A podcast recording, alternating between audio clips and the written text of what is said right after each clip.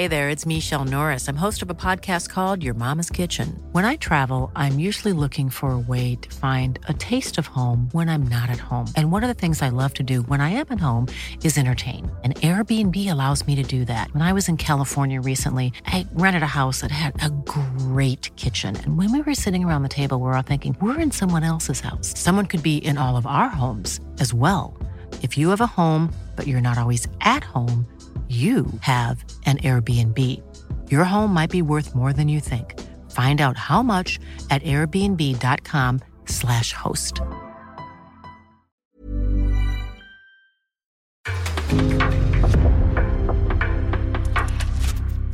En podcast från Aftonbladet.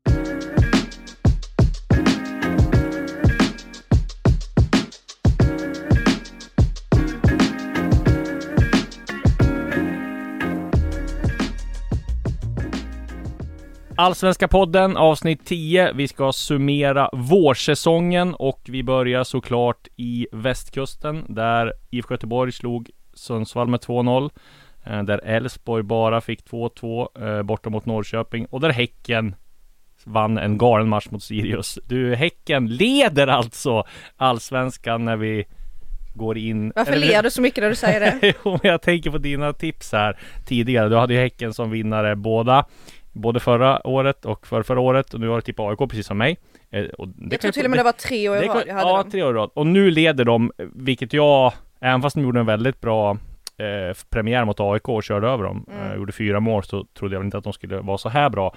Eh, men vad är din take på Häcken 2022?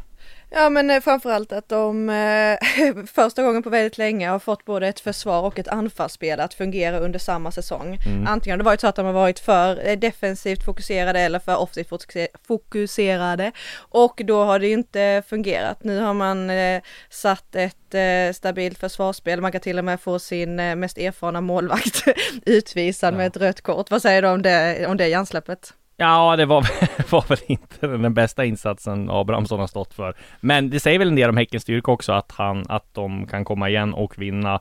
Eh, få kvittering mot sig 95, avgöra 96. Mm, men det är det jag menar att, eh, och någonstans när man vinner sådana galna matcher, det är oftast det som pekar på att då är det en guldsäsong på Mm. gång. För det är sådana trepoängare som man måste få med sig. Och Jo. sen eh, ska vi också såklart nämna Alexander Jeremejeff. Ja, verkligen. Det går ju liksom inte och eh, inte nämna honom. Hade ju en rätt medioker försäsong, kommer jag ihåg. Jag kommer ihåg när jag var nere på premiären där och, och eh, såg eh, mot, eller när de vann mot AIK, så var ju snacket här att Jeremejeff inte hade gjort det så bra, att han var ett stort frågetecken och sen så bara har det gått så här bra. Och nu får man ju, får ju Häcken och Martin Eriksson hålla hårt i honom här. Man får säga att Martin Eriksson har prickat rätt med sina nyförvärv, de här norrmännen allihopa.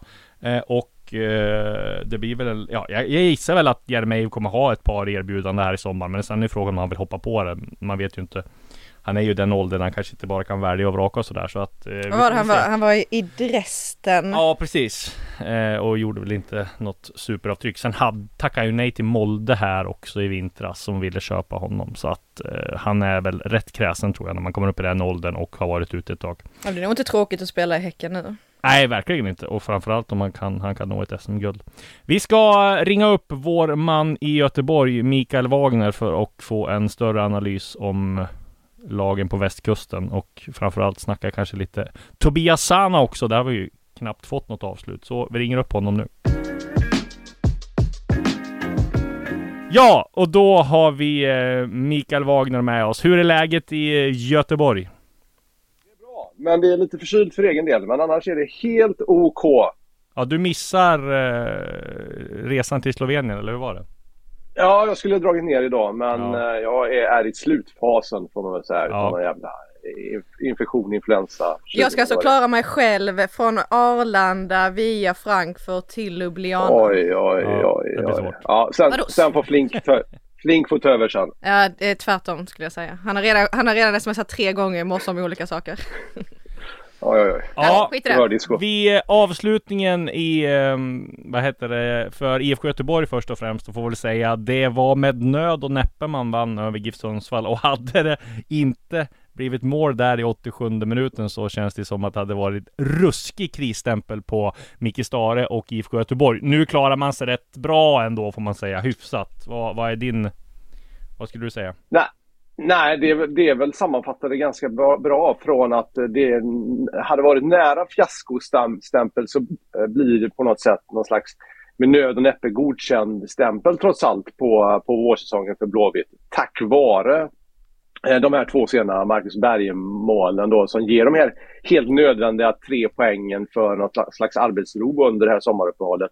Och trots allt också att, att Stare har börjat eh, eh, om inte rotera så har han i alla fall börjat byta in lite fler spelare så att han får lite bättre bredd i truppen. Fler spelare som, som konkurrerar om platserna och, och på, på något sätt också avlastar de här eh, rätt slitna 11-12 eh, spelarna som har spelat match efter match efter match i Blåvitt. Så att, eh, eh helt rätt, den, den segern var absolut, eh, absolut nödvändig för IFK Göteborg.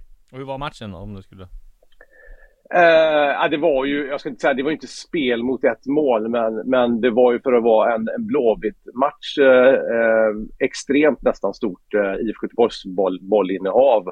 Uh, men inte, inte sådär jätte, jättemycket glödheta målchanser som IFK Göteborg skapade i slutändan. Så att Blåvitt har ju, jag ska inte säga en jäkla tur att de har Marcus Berg, för de har ju trots allt Marcus Berg, han är deras lagkapten, men utan Marcus Berg om han skulle åka på en skada. Han har ju sett rätt sliten ut nu också stundtals under våren. Så, så man undrar man ju var det laget skulle befinna sig. Eh, IFK Göteborg är ju mer beroende av uh, Marcus Berg än vad, vad Häcken är av Alexander Jeremejeff. Norrköping har... av uh, Totte Nyman då? Uh, ja, jag, skulle, jag, jag har faktiskt, uh, utan att ha siffrorna rakt framför mig, men Berg är ju, han har 5 plus 3, 8 poäng Alltså på Blåvitts 11 gjorda mål. Eh, jag tror faktiskt inte det är något annat lag som är så beroende av en och samma spelare som, som Blåvitt av Max Berg. Ja, det är väl mer att man tänker att Norrköping inte heller har någonting eh, bakom med Nyman? Uh, ja, um, jag, jag, jag, jag, känner ändå att en, en, skada på, på Marcus Berg skulle...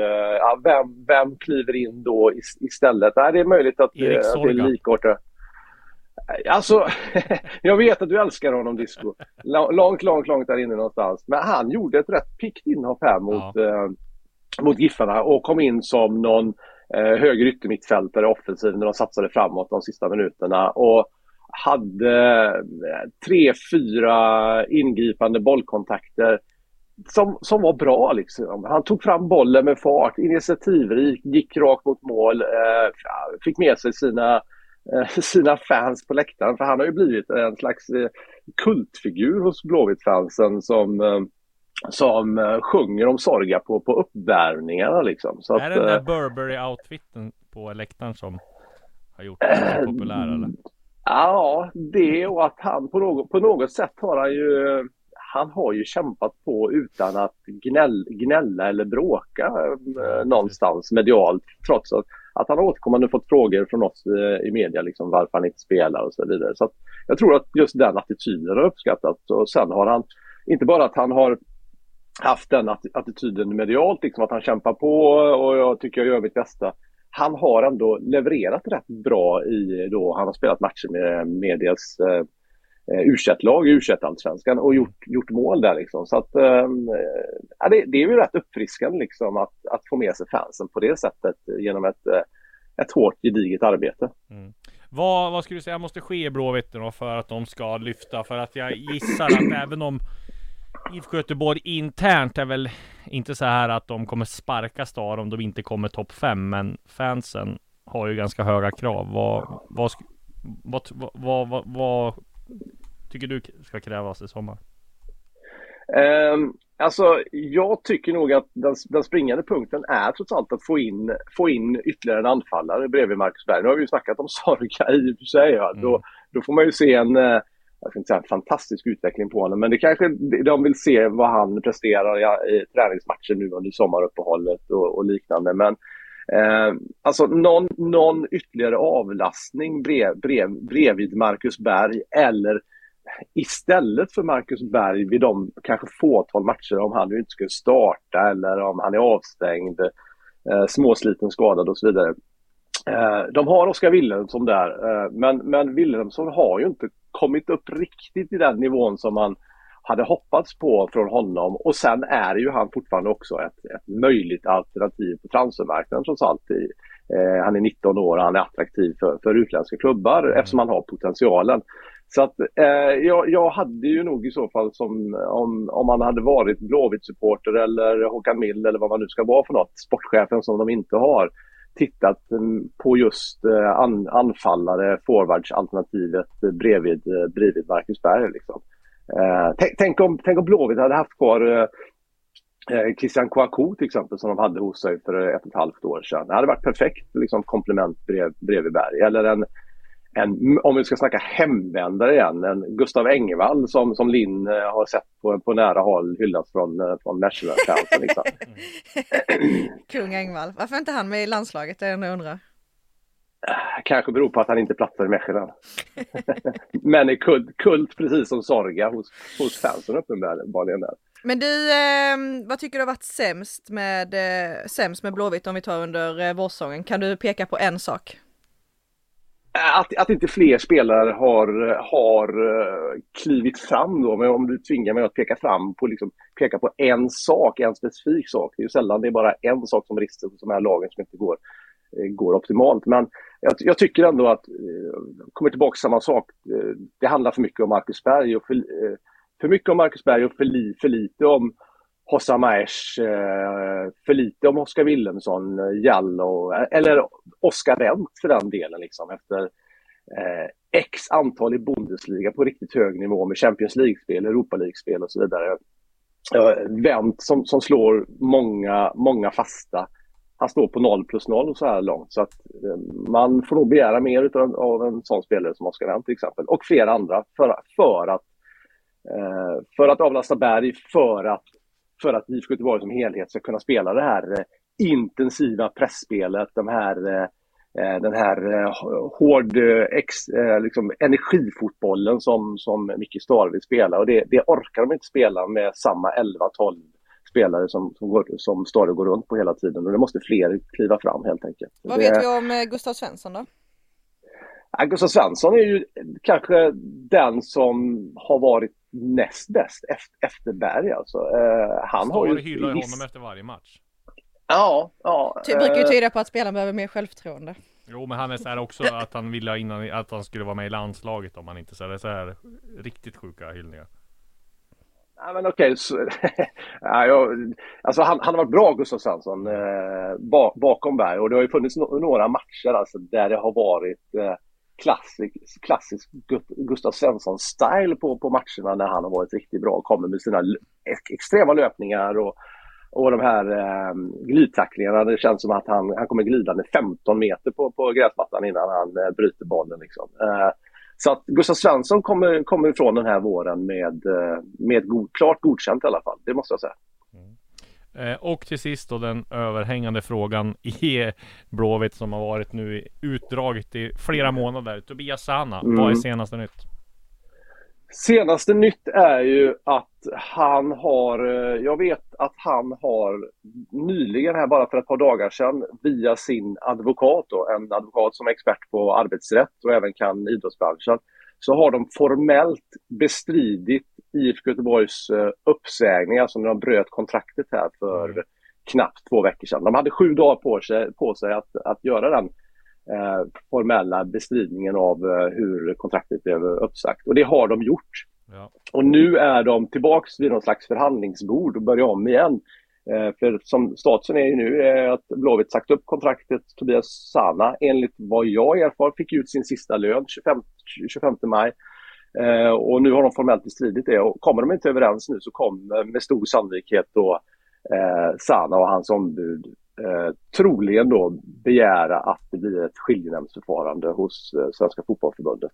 Mm. Eh, det är status just, just men, nu. Och, så, men sådana ärenden, kan man säga, det brukar väl sluta med någon form av förlikning att Blåvitt ja. köper ut honom, nu betalar de x antal löner eller en typ så. Ja, så, så, så är det, det är det logiska och det är så det brukar ofta sluta. Ja. Här är den stora skillnaden att Eh, vad är det då? Eh, återigen, det, det, som är trist liksom med den här härvan, eller trist som vi kan säga, i alla fall ur ett journalistiskt perspektiv, lite problematiskt för oss, är att Tobias Sanas sida, eller Tobias Sana själv, har inte uttalat sig på något sätt officiellt kring den här, det här bråket. Vad fan är det som har hänt egentligen? Utan han är utmålad som bråksaken. Och de uppgifterna som, som jag har hört är i alla fall att men vad är det de ska förhandla om i så fall? Eftersom Tobias Sana i tidigare lägen när, eh, när han bara, bara var avstängd från, från att träna med IFK Göteborg eller ja, var ledig av personliga skäl från träningen. Då fanns det diskussioner om hur ska vi skiljas på ett lämpligt sätt. Kontraktet går ut sista december. Mm. Eh, och i, i den diskussionen, om jag har förstått det rätt från mina källor, så fanns det nog alternativ om hur många månadslöner och så vidare. Och de har han, hans eh, representanter och, och, och Sana då tackat nej till. Och nu är man tillbaka i en ny vända och diskutera för att det inte ska gå till en rättslig strid. Så att, eh, det känns som det är ganska låsta positioner i hela den här ja. konflikten. Ja, vi har det inte hört sista ordet om Sana-gate. Den nej, saken är nej. helt klar. Du, om vi går till eh, något lite roligare då. BK Häcken, årets stora eh, sensation, eller vårens stora sensation får vi säga. Eh, mm. i, vi pratade om det jag och Linn här tidigare, att jag var nere och såg dem i premiären mot AIK. Då såg de ju bra mm. ut, gjorde fyra mål, men, men så här bra trodde man inte de skulle vara. Nej, nej det är ju eh, det är sensationellt alltså. Eh, jag måste säga det, jag tror vi drog det i någon annan, i någon annan podd också och så lågt som Häcken låg själva inför, inför allsvenskan och det de har presterat nu. Det, jag, jag tror att de har överraskat på, på sig själva också. De är, de är både det bästa och kanske det mest underhållande laget. Det, det, det är mål och uh, fart mål och fartgaranti varenda match de, de spelar och Jeremejeff är, är, är, sensationellt bra på, på många olika sätt och vis helt enkelt. All, I mina ögon klart allsvenskans bästa spelare så här långt med, med marginal. Ja, där är vi med dig både jag och Linn. Mm. Du, vi, mm. Vi, vi pratade om, vi pratade om mycket Häcken förra avsnittet så vi ska inte gå in för, för mycket på dem. Men om du mm. skulle sammanfatta deras vård då, vad, vad har varit liksom bäst? Det, det förutom, eh, förutom att de leder eh, allsvenskan och öser in mål. Vad ser du liksom i spelet? Ja, nej, alltså bäst Jeremejeff då och, ja. och sen då till skillnad nu, lite kontrast mot kanske mot grannen och rivalen på andra sidan älven här i Göteborg då så har ju de fått igång, eh, jag ska inte säga hela truppbredden, men ett gäng spelare som, eh, som presterar och levererar. Uddenäs, alltså förutom Jeremejeff då, Uddenäs, Rygaard, Gustav Berggren, Samuel Gustafsson, mittbacken, eh, Even Hovland, högerbacken Fridriksson, Peter Abrahamsson som är mål. Men, men ändå känns det som att det finns en, en rejäl förbättring. Alltså det sjuka är ju att det finns en förbättringspotential i Häcken. För när jag sitter och kollar på, nu vet inte om ni har snackat om de här statsen som släpps liksom efter alla, alla om, eh, omgångar och så vidare. Men Häcken alltså de har inte hållit nollan en enda match. Eh, de, eh, de är det laget som har dragit på sig minst antal gula, gula kort. Liksom. Mm. Eh, de, har, de är det, det, är det laget som vinner minst antal tacklingar per match. Det är uppenbart liksom, att de har en aggressivitetspotential att plocka upp och, och bli ännu tuffare. Och skulle de kunna lyfta den delen av sitt spel, ja då, då, då kan det bära riktigt, riktigt långt. Det, det bygger ju också på att de ska fortsätta på den här nivån och de har ju på något sätt varit nära att överprestera under den här våren också. Så att, Men kommer det hålla? Äh, det, Alltså inte, inte hela vägen, det har jag svårt att se. Jag, jag har svårt att se att ett Malmö FF som sä, säkert kommer stärka laget under sommaren eller ett Gudetti-dopat AIK, att, att, att Häcken ska rå på dem. Men alltså det är inte orimligt att Häcken är topp tre, men eh, de ska ju rimligtvis inte eh, utmana hela, hela vägen om ett SM-guld. Det, eh, det vore en, en dundersensation i så fall. Mm. Kul så länge det varar. Ja, ja det är kul. Det är kul för det, det, um, ja, det är en rolig uppstickare. Jag har nämnt det tidigare, liksom, ändå rätt fascinerad av, av hela föreningen Häcken, eh, både herr och damsidan och um, hur den klubben är organiserad och uppbyggd och sen har de Gothia Cup i bakgrunden. Det är en, det är liksom en, en ganska välmående förening får man säga. Ja, om vi går till Borås då, Elfsborg. Där hade jag lite, fick jag höra för någon vecka sedan, och det kom även ut i, i danska medier, att AGF har med Jimmy Tillin på någon lista som ny tränare, alltså AGF Århus. Men de ska väl ha Brian mm. Priske som, som första varit här, han som fick sparken från mm, ja, någon klubb i Belgien. Eh, och sen Mm. har de med Poya Asbaghi också där. Vad, vad, vi, vad säger vi om Elfsborg då? Väldigt mycket upp och ner. Nu var de nära att vinna här mot IFK Norrköping senast. Eh, men eh, fick bara oavgjort. Nej men alltså eh, Elfsborg känns ju ändå som, även om de bara är, eh, fan jag har inte tabellen framför mig, de är väl bara en poäng före till exempel då IFK Göteborg. Ja, så, så känns det ändå som, känns som ändå som, som Göteborg har haft en tuffare vår än vad Elfsborg har haft. Trots att det då bara skiljer en poäng i den här jäkligt märkliga allsvenska tabellen om vi ska, när man ska analysera det här eh, mittenskiktet överhuvudtaget. Att de, de hade en tuff, de hade en tuff premiär som jag, var på den 0-2 hemma mot Mjällby och då tänkte man vad vad fasiken ska det här Elfsborg ta vägen? Men de har ändå kommit igång och nu har de väl, jag tror bara de har en torsk på de sex senaste matcherna och de, de har ju en, en, en fart och effektivitet, hyfsad effektivitet i sitt spel och de har en, en bredd i truppen liksom med många offensiva alternativ. Eh, och samma sak där när man kollar på statsen. Elfsborg är det, liksom det laget som skapar flest målchanser av alla lag i Allsvenskan, men också det laget som, som bränner mycket målchanser trots allt. Eh, så det finns, eh, det finns, eh, det finns en ganska stor uppsida hos Elfsborg under liksom den här andra halvan. Fan, det är inte ens en andra halva utan de två tredjedelar som är kvar utav allsvenskan. eh, Där jag tror att de kommer att klättra lite grann i den allsvenska tabellen. Ja. Och sist då, ska vi säga någonting om Varberg också? Vi har varit inne på dem tidigare. Vi har hyllat Jocke Persson, hans eh, budgetgäng där som fortsatt kommer hålla sig kvar Ja. i Svenskan vågar vi nästan slå fast. Ja. Men nu åkte de ju ja. på en rejäl mina här mot Djurgården, Ja. vilket var väntat tycker jag. För att Djurgården hemma på Tele2 med konstgräs och sådär. Varberg Mm. är inte, det är inte Varbergs bästa. Nej. Nej, lite, lite Men man måste kunna stå upp lite i alla fall. Jo, exakt. Det var ju lite att Ja. det föll igenom där. Och de är ju ganska, de har ju väl det här signumet i Varberg att Antingen så är det Jocke Persson som sågar om, eh, sågar om som bäst Eller så är det någon spelare som sågar sig själva liksom så att Det var väl samma sak Jag väl med Stanisic där, Ja, eh, Linda. Ja, han var inte överlycklig om man säger så.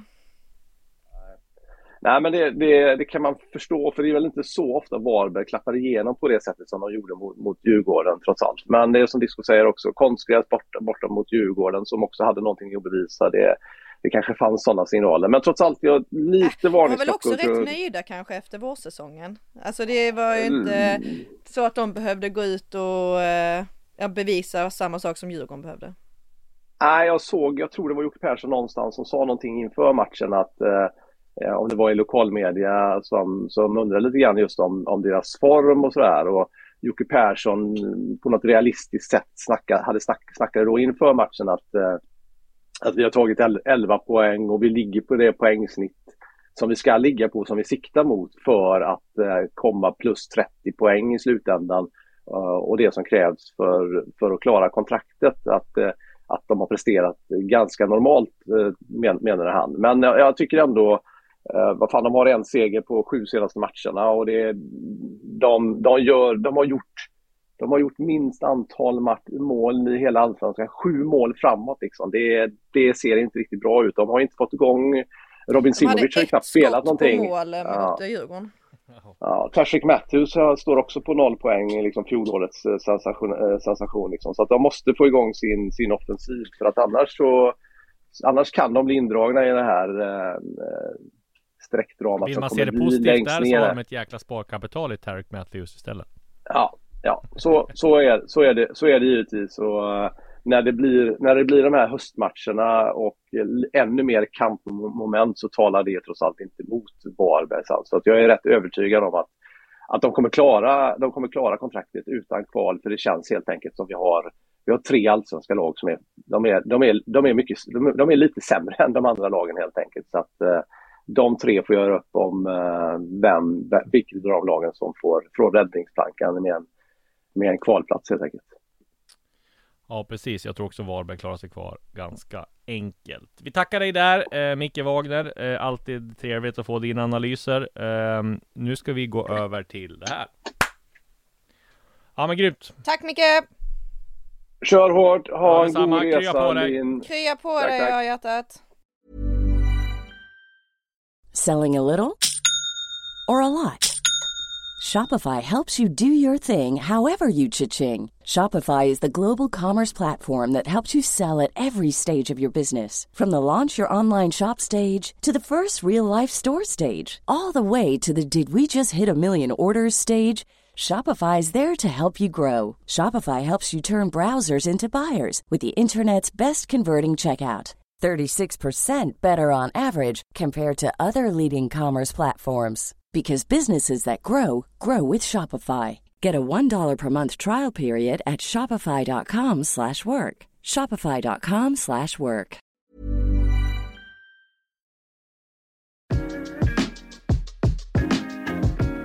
Ja, vi kan ju fortsätta där vi avslutade, nämligen på Tele2 om vi går över till Stockholm. Ja! Eh, så får du vara, du var på plats när Djurgården körde över eh, stackars Varberg. Vad- Ja, det var ju eh, spel mot eh, ett eh, mål, eh, både i första och i eh, andra halvlek. Jag kan dra lite siffror här. Vi har bollinnehav 74 för Djurgården, 26 för Varberg. Ja. Tycker jag ändå att siffrorna, siffrorna känns eh, schyssta. Men det är ju ändå som du sa att som du var inne på att Djurgården var ju extremt pressad att vinna den här matchen. Hade de inte fått med sig ett bra resultat i den här matchen, då hade det ju, då hade det börjat blåsa rejält eh, kring, ja de hade ju, dels spelarna fått kritik, men jag tror även Kim och Tolle hade fått ganska bra kritik. Eh, nu kommer man ändå undan med, eller kommer undan, men man vinner med 4-0 och man kommer undan med en okej vårsäsong. Inte mer skulle jag vilja ge Djurgården. Det finns ändå sparkapital också. Viktor Edvardsen har nog behövt sätta den här straffen för att få lite självförtroende. Han har, han har varit bra, eh, men inte så liksom. Han borde ha gjort fler mål. Han var ganska självkritisk i intervju med dig också. Ja, tre mål och de två av dem kom ju i eh, första, Ja, första matchen. Han har bränt lite mycket. Det andra var ju en bjudning från Sirius. Ja. Eh, han Sen har han gjort fina framspelningar. Han gjorde Absolut. ju en fantastiskt fin framspelning till Hampus Findell. Hampus Findell, jag snett inåt bakåt, jättefin. Eh, och eh, han eh, drar ju på sig mycket markering eftersom att han är den typen av spelare också så att det öppnar ju, öppnar ju upp för andra spelare. Och sen tar det ju ett tag att komma in i det också. Jag tror att vi kommer få se en ruskigt bra Edvardsen här i andra halvan. Då har fått komma in i det mer också. För jag tror att vi har sett alla spelare här, kom ihåg Mujo Tankovic, Alexander Kasaniklic i Mm. Hammarby, Joel Asoro. Jag menar hur lång tid tog det inte för dem att komma in i det? Jag tror det är samma sak med Edvardsen. Det är inte bara att komma till ett nytt spelsystem och ett nytt lag liksom. Ehm, Och han har inte det, absolut inte den fria rollen som Nej, han eh, haft exakt. tidigare och jag tror för en sån, för en sån spelartyp att vara mer eh, hållen i tyglarna och eh, både tänka på att man ska göra mål men också att Kim och Tolle ska vara nöjda med hur han presterar på planen blir, det är ju två faktorer som ska lira tillsammans för att det ska bli succé. Vilket säkert kommer bli. Eh, för att han har ju haft möjligheter så att säga. Men Hampus Findell har ju äntligen skjutit in sig. Ja. Han eh, drog ju, jag kommer ihåg, jag tror jag såg, var det två eller tre Djurgårdsmatcher när han, eh, alltså han sköt, men allt gick antingen vid sidan av målet över, över målet. ja. Nu var det ju liksom två stycken eh, riktigt snygga mål, sen om det andra målet var menat att vara ett inlägg eller ett mål, det låter vi vara osagt. För den seglade in i alla fall. Ja men det var riktigt snyggt. Men apropå Hampus Findell så trodde man ju, han har ju haft en, det har vi ju pratat om tidigare, han har ju haft en ganska fin karriär i Djurgården. Från att han skulle bli helt ratad, utlånad, till att han kom tillbaka och gjorde det hur bra som helst. Nu är han ju i princip, han är ju med i Janne Anderssons bruttotrupp här. Eh, Alltså han är ju en av de som står och knackar på dörren till, till A-landslaget. Eh, och jag menar när de ska nu föryngra så känns det som han går före Magnus Eriksson eh, nu. Om, när Janne Andersson skulle välja något med tanke på att de ska ha ett nytt landslag. Så att han blir det verkligen spännande att följa. Och om de skulle ta in nu då Albin Ekdal som det har varit snack om så är väl han Findell då är väl den de säljer i så fall. Men det är väl frågan om han kan säljas redan nu eller om han behöver en säsong Passar ju väldigt fint in i Djurgården också, Findell. Exakt. Och eh, alltså att han bara är 21 när man gör intervjuer med honom, det är med... Han känns ju mognare. Ja, känns väldigt både, men ändå inte, för ibland kan ju spela när de ska vara, eller verka väldigt mogna när de är i en så ung ålder, så kan de bli lite mer passiva på planen och Mm. försöka tänka mera och göra mer snygga aktioner än att bara gå på skott till exempel. Men där har inte han hamnat. Nej. Så att det är ju en styrka både på och em, utanför planen. verkligen. Eh, sen gjorde ju Joel Asoro mål igen. Mm. Eh, och där blir det ju tufft att hålla honom utanför startelvan eh, under eh, hösten för att varje gång han har bytts in så har han ju presterat. Ja. Och sa det i intervju också efteråt att hans eh, självförtroende aldrig varit så här bra. Sen så var det ju väldigt generöst av Haksabanovic och ge honom den bollen efter eh, lite klapp-klapp-spel. Men nu har väl Haksabanovic en match kvar Ja. som det ser ut och Ja. vad vi tror. Och jag vet inte, alltså vi säger att de, det skulle bestämma någonting nu då, att de kan dra alltså kan det bli, ja, det är ju ingen som vet det där men det kan väl kanske vara så att de drar även före det. Eller måste de spela matcherna, har kontrakt på det? Eller liksom jag, jag ska vara ärligt säga dålig koll. Men vi räknar med att Mm. både Haksabanovic, Jordan Larsson och alla de här spelar en match till, sen drar de ju. Men då tänker jag kanske att eh, då öppnas det upp för, eh, för Joel Asoro. Verkligen. Men då får han inte heller den här eh, fina passningsfoten att eh, göra mål ifrån. Nej precis, Haksabanovic har varit grym på det. Ja, nej men det var som sagt spel mot ett mål. Varberg var ju självkritiska och sa att de hade gått på semester redan så att det var ju tacksamt för, eh, för Djurgården att spela den hemmamatchen och eh, få med sig det nu in till det här lilla uppehållet som de har. Ett lag som också hade gått på semester, om vi ska även inne på Stockholmslaget, det var ju Hammarby. Alltså det var ju bedrövligt. De blev ju utspelade av Värnamo. Eh, och ja, där behövde man också, Cifuentes var väldigt kritisk han mot spelarna och Nej, jag vet inte, de hade Bojanic och Besara på bänken va? De var Mm. inte med från början och det märktes verkligen. Det var Landers första match från det var start. ingen som, tog, tog, tog tag i spelet, saknades lite karaktär i, i laget och Från att de hade kunnat gjort, hade de gjort oavgjort så hade de kommit undan med en väldigt, väldigt bra vårsäsong. Nu blir den, ja, den blir ändå bra ändå för Hammarby får man säga. Men det, det är ju lite besk eftersmak om jag var Hammarby-supporter. Eh, skulle jag tycka i alla fall med tanke på den insatsen. Sen finns det ju som vi har sagt tidigare sparkapital. De kommer satsa tror jag under, under sommaren här. Sen är väl frågan när nyförvärven kommer in. Men de kommer ju ta in ett antal spelare i alla fall nya. Eh, så att där kommer det att förstärkas tänk att också. det är mindre än en vecka sedan som vi sitter på en presskonferens och pratar om hur bra självförtroende Hammarby Mm. har, vilken otrolig vårsäsong de har haft. Nu ska de liksom hämta hem cupguldet, ja. sen så ska de eh, vinna den allsvenska tabellen eh, 1.0 innan uppehållet och sen förlorar man alltså cupfinalen, man förlorar eh, borta mot Värnamo och eh, ja nu sitter vi här och tänker eh, vad fan hände med Hammarby? Det var ju någon som hånar dem på Twitter och säger att de har, hittar alltid på sig egna grejer. Det var någon som sa nu har Hammarby förlorat två titlar på kort tid. Dels Svenska Cupen och så vår allsvenska. Så det var, ja det var lite, lite hårt kanske men det, det var, ja i alla fall. Men Det är eh, svårt att säga för att man har sett Hammarby spela så otroligt bra sen när man ser matchen mot Värnamo. Ja det är jättekonstigt. Fast sen ska vi hylla Värnamo också och eh, Ja. alltså Oskar Johanssons eh, passning fram till Antonsson Mm. är, eh, den kan man se om hur många gånger som helst. Och Marcus Antonsson får vi, får, hade jag i alla fall, vi ska komma till på det tidigare Men han är väl en av årets värvningar i Allsvenskan Att han görs, ligger tvåa i skytteligan i, i en klubb som Värnamo Det är ju är helt fantastiskt och Kim Hellberg och Jonas Tern som vi var inne på tidigare Ruskigt bra, har fått ihop det här laget Det känns ju inte heller som de ska om de fortsätter så här, om, och framförallt om Marcus Antonsson fortsätter så här Ska behöva bekymra sig om att eh, Behöva bli indragen i någon, bottenstrid. De känns för bra och stabila för det här hittills. Men eh, vi vet att mycket kan ändras där ändå. Men eh, som det ser ut nu så skulle jag inte hålla Värnamo som nedflyttningskandidat i alla fall. Vad säger du? Eh, nej det är ju svårt, svårt att eh, säga emot eh, det resonemanget när man, eh, eller jag såg framförallt andra halvlek mot eh, Hammarby. Då stod de upp väldigt bra. Eh, däremot så tror jag ju att eh, Hammarby inte är ledsna över att det här uppehållet eh, kommer nu. Det kan inte komma mer lägligt. Nej, exakt. Och en annan eh, klubb som det kommer väldigt lägligt för Det är ju Malmö FF som har haft extremt mycket skador. Nu senast var det Martin Olsson som fick tacka nej till landslaget här på grund av känning. Eh, Och har jag haft en väldigt eh, gedigen skadelista eh, En väldigt tråkig skadelista som man börjar få tillbaka en del spelare. De kommer ju samlas igen. Jag pratade med Andreas Georgsson Jag tror de samlas 12 juni eller 13 juni igen så de har lite längre semester. Jag tror AIK samlas, samlas 7 juni. Så de kommer få tillbaka väldigt många spelare. Men, eh, och körde ju över Degerfors, hade inga problem. Ola Toivonen blev tvåmålsskytt mot eh, eh, Degerfors. Och där känns det också som att Malmö, eller jag vet att de kommer titta på att förstärka truppen.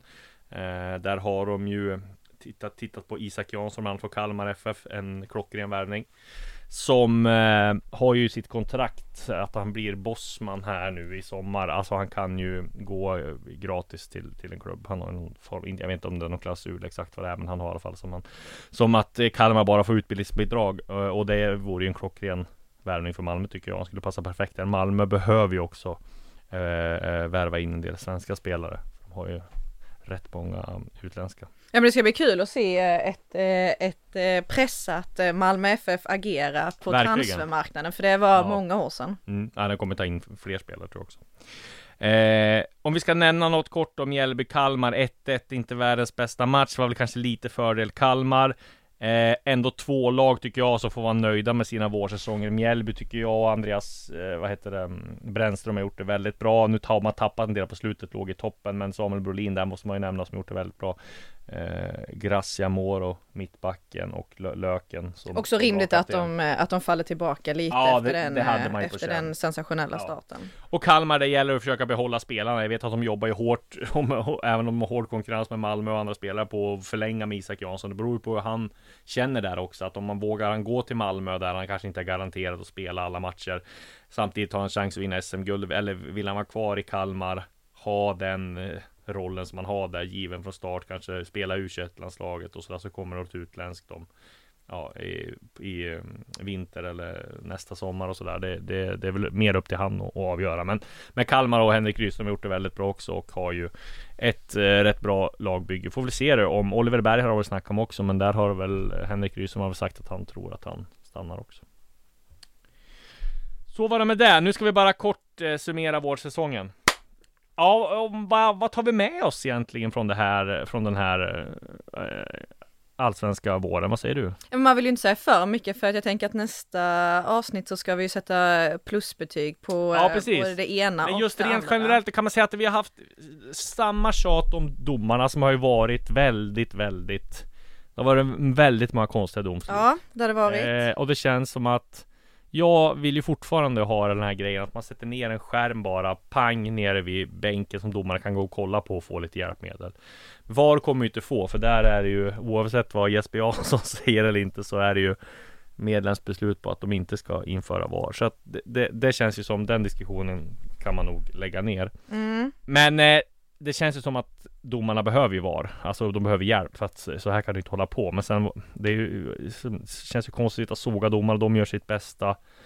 Men Ja det har varit bra domarinsatser också. Ja det har det, men det går liksom inte att komma ifrån men det, att det är ju är alltid något konstigt. Det är ju helt sjukt till exempel med Taha Ali där hur man kan gå på den filmningen. Hur det mm. kan bli offside när en GIF, när uh, GIF spelare står på egen planhalva när mm. bollen slås. Du hoppade ju över din egna match som du var på den här veckan. Ja men det var ju, ja precis, Taha, det gjorde jag ju absolut. Det den ville du, den hade, hade du redan den stängt. Den hade redan stängt. Ja men vi tar den då, AIK. Din tågresa till Helsingborg. Exakt, ja precis, vi kan ta den nu då. Jag, jag hade ju en, en ruskigt härlig tåg och bussresa. Det var ju någon banarbetare där så det tog ju 7-8 timmar från eh, Stockholm till Helsingborg där vi fick åka buss mellan Göteborg och Alingsås. Absolut inget Var det första gången du åkte buss? Film. Nej, det var det absolut inte, men det var härligt.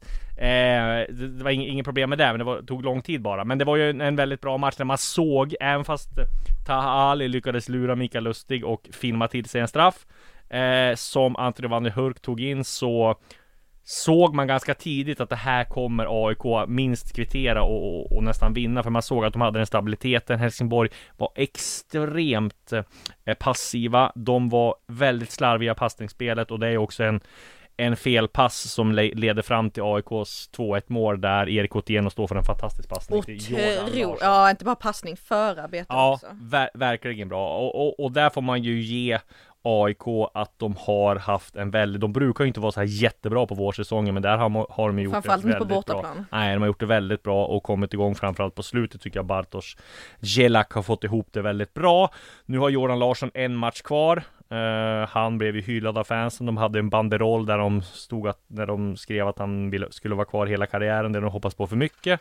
Uh, ja, händer inget oför, oförutsett så kommer han lämna AIK efter den där matchen mot Ja men både viktigt mål eh, senast mot eh, Sirius på hemmaplan och mm. det här målet också är extremt Exakt. viktigt. Han har ju verkligen kommit in i det mera. Mm. Om man tyckte att han inte var så, eller gjorde så mycket poäng de första matcherna ja. så har han ju hämtat hem det. Och det var ju det här man visste också med de här spelarna som skulle komma på lån, att de skulle vara som bäst när de skulle nästan dra. Mm. Eh, men då kommer John Guidetti in och AIK har väl, i, det är väl nästan inte så här att de är tvingade att sälja men de, de, jag vet att det, det snackas både i styrelsen och sådär att de helst vill att göra en försäljning i, i, i sommar för att liksom få lite, inte stabilitet i ekonomin, men få lite i alla fall liksom tillförsikt i framtiden och sådär. Och då är det väl Otieno eller Bilal Hussein.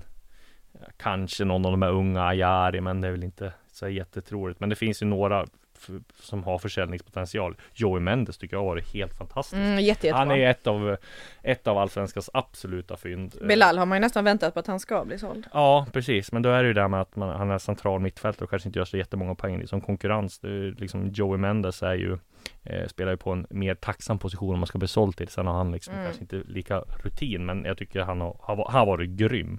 Eh, så AIK har ju alla, de har ju ett bra slagläge inför, inför hösten. Vad kommer hända med Viljot Svedberg då?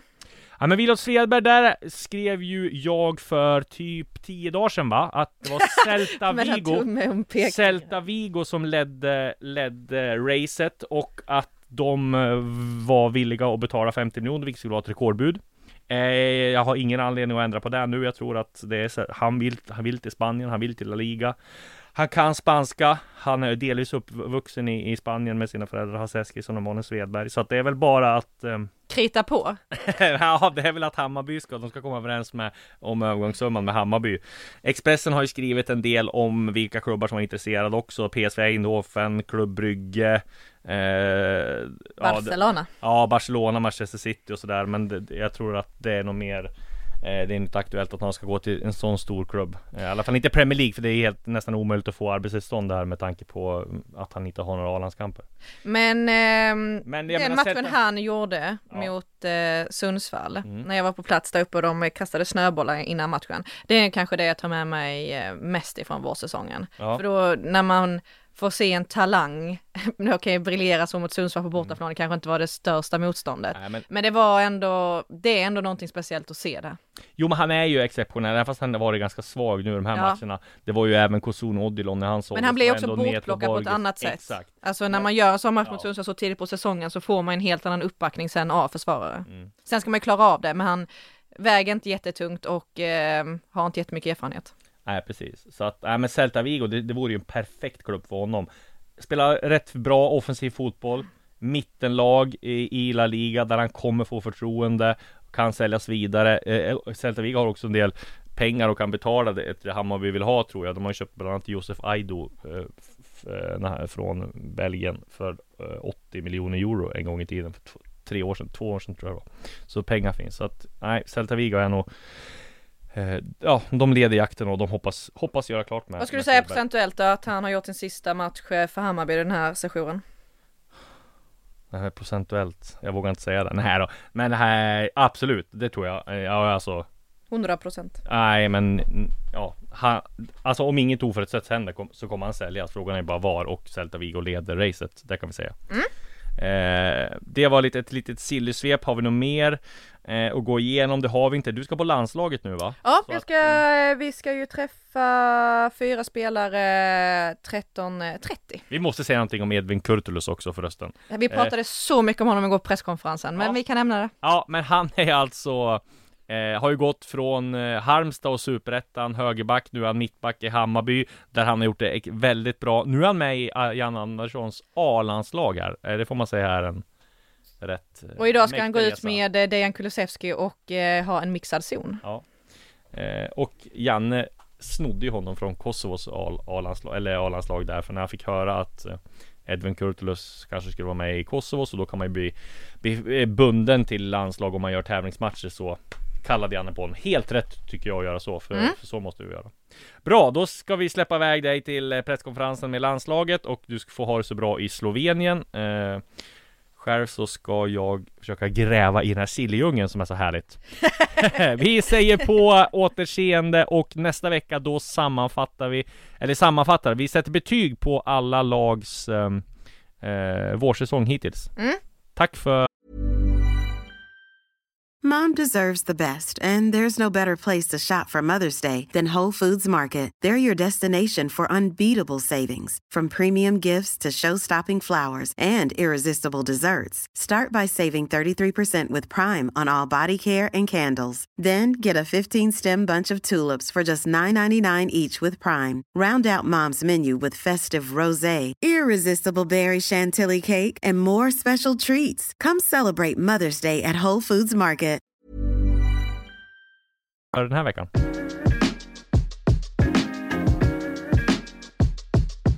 Du har lyssnat på en podcast från Aftonbladet.